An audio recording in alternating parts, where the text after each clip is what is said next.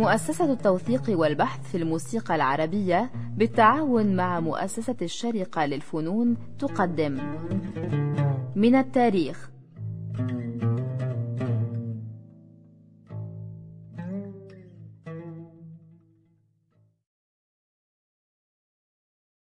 أهلا وسهلا بكم سادتي المستمعين في حلقة جديدة من برنامج من التاريخ. نواصل فيها الحديث عن الشيخ السيد الصفتي ويواصله معنا الأستاذ الدكتور فريدريك لاجرونج والآن نعود إلى مسألة المطرب الأمين. طبعا عبارة المطرب الأمين هي عبارة تخص الدور في المرتبة الأولى.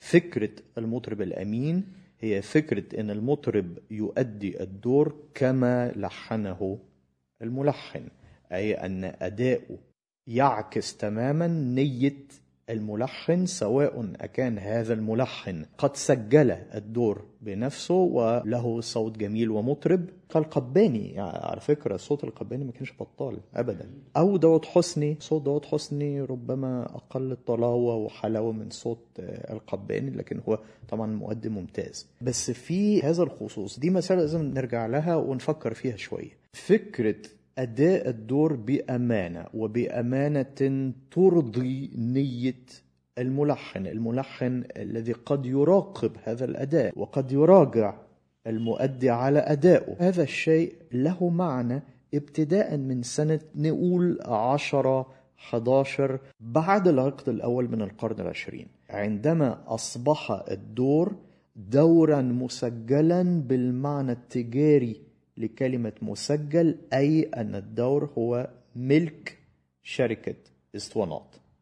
فكرة الملكية الفكرية للأعمال الفنية. تمام. وعندما نتحدث عن الملحن في الواقع لا نتحدث إلا عن إبراهيم الأباني داود حسني سيد درويش وربما زكريا أحمد في المرحلة الأخيرة. لكن هل هناك موسيقيون لحنوا أدوار في بداية القرن العشرين غير هؤلاء الأربعة؟ أدوار مهمة. لا أظن هل تستطيع أن تذكر ملحنا آخر من من الأساطين من الأدوار المسجلة لصالح شركات الإسطوانات. كده يبقى عندنا إبراهيم الأباني وداود حسني مع جراموفون سيد درويش مع بيضافون زكريا أحمد. بالظبط. مفيش غيرهم. تمام. فكرة إن الملحن كان بيدور عن مطرب ممكن يؤدي الدور بالظبط زي ما لحنه فكرة واردة في هذه الفترة. أما فكرة الأمانة في أداء الدور الدور من جيل عبد الحمولي ومحمد عثمان وحتى تلاحين الأباني وتلاحين داود حسني قبل سنة عشرة دي فكرة ملهاش معنى.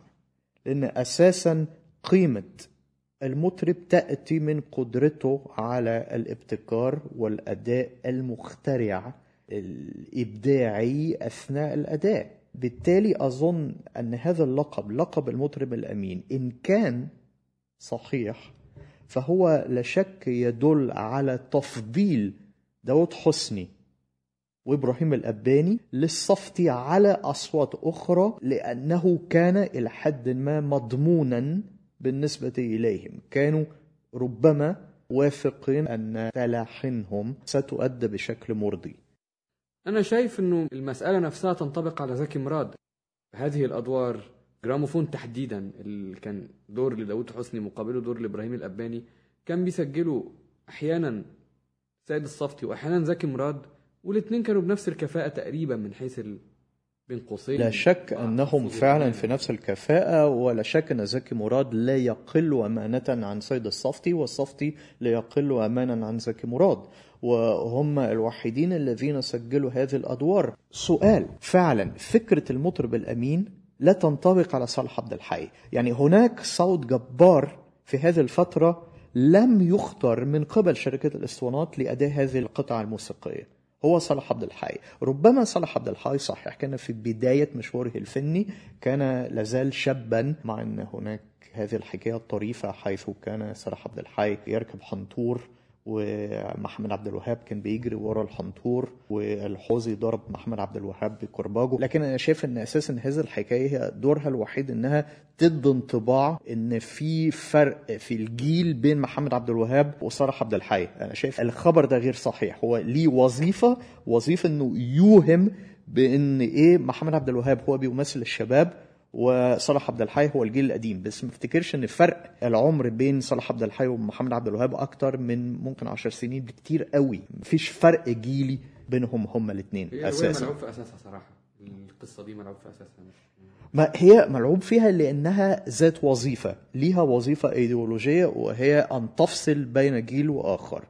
لكن بصرف النظر عن هذه القصة نعود للمسألة الأساسية. والتي هي لماذا لم يتم اختيار صالح عبد الحي؟ ولماذا لا يرتبط اسم صالح عبد الحي بفكرة المطرب الأمين؟ فرضية أولى لأن صالح عبد الحي لم يكن قد بدأ تسجيل الأدوار سنة 18 و 19 أوكي فليكن. كان لا يزال شابا. ولكن بعد ذلك صالح عبد الحي تخصص فقط في حصيلة عبد الحمولي ومحمد عثمان الأدوار بين قوسين قديمة أدوار نهاية القرن التاسع عشر وأدوار سنة 2 3 4 يعني أدوار حسني وأباني الأولى. لكن صالح عبد الحي تخصص أكتر حاجة في محمد عثمان وعبد الحمولي. وإن غنى لهؤلاء يغني تقاطيع أكتر من الادوار بالضبط. فلا شك إن الملحنين كانوا بيحسوا إن في فرق بين سياسة الأداء عند صالح عبد الحي وسياسة الأداء عند زكي مراد والسيد الصفتي. وفعلا زكي مراد والسيد الصفتي في معسكر واحد. وصالح عبد الحي في المعسكر التاني. ولا انت شايف غير كده؟ ده حقيقي. والدليل على كده لو سمعنا دور آه، ما فهمناش وقت نذيعه يمكن حلقة صالح عبد الحي. ضيعت مستقبل حياتي عند صالح عبد الحي وعلاقته بأداء سيد درويش. ودور أنا عشقت بتاع سيد الصفتي وعلاقته بنسخة سيد درويش. هنعرف كتير إنه الاثنين بمعسكرين مختلفين تماما. ما هي الأدوار التي سنستمع إليها؟ أقترح أننا نبدأ إن كان من الممكن أن نستمع إلى التسجيلات القديمة جدا لسيد الصفتي. تسجيلات سنة ثلاثة. هل هناك نماذج من صوت سيد الصفتي سنة ثلاثة؟ في نموذج لدور الأباني المنتشر جدا آنذاك البلبل جاني وهو من أهم أدوار يلا بينا كلام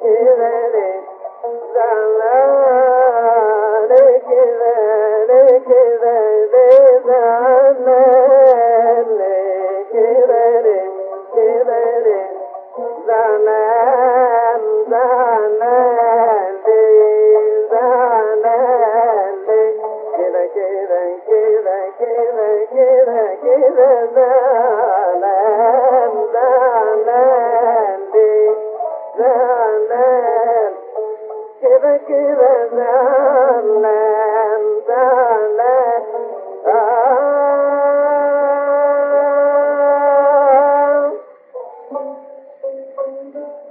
منه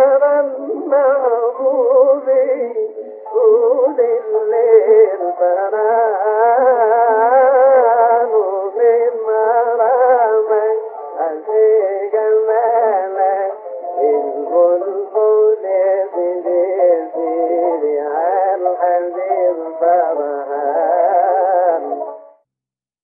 القلب في حكم الهوى حجاز كار كرد. ده في إشكالية كبيرة على فكرة في حكاية حجاز كار كرد هذا الدور يعني. هل هناك فارق ما بين حجاز كار كرد بيقولوا وكرد؟ بياتي أنت أصلاً. أنت الخبير في المقامات. بيقولوا تفضل. أصلا.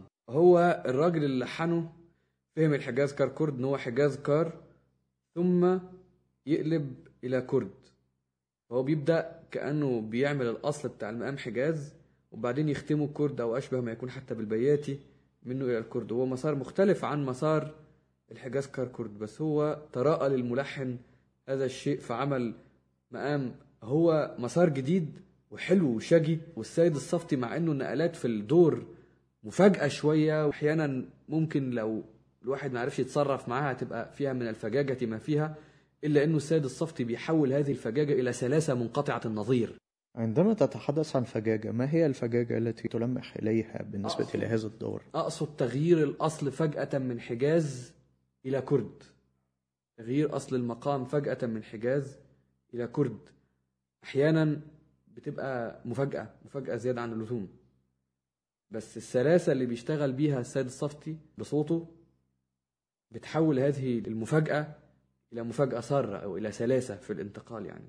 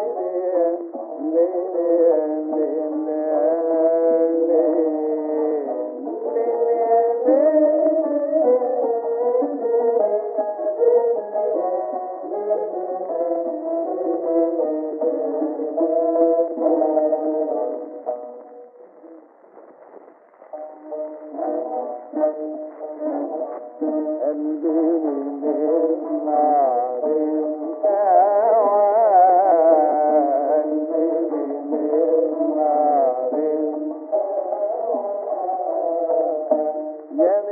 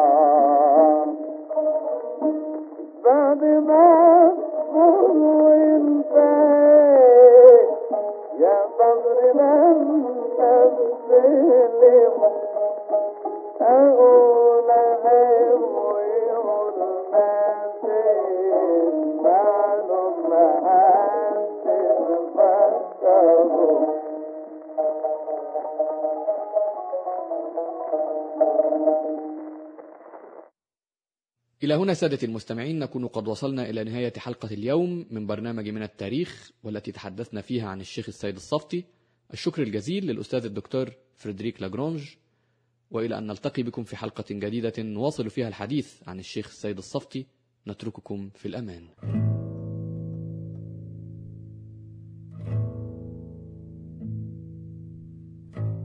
من التاريخ.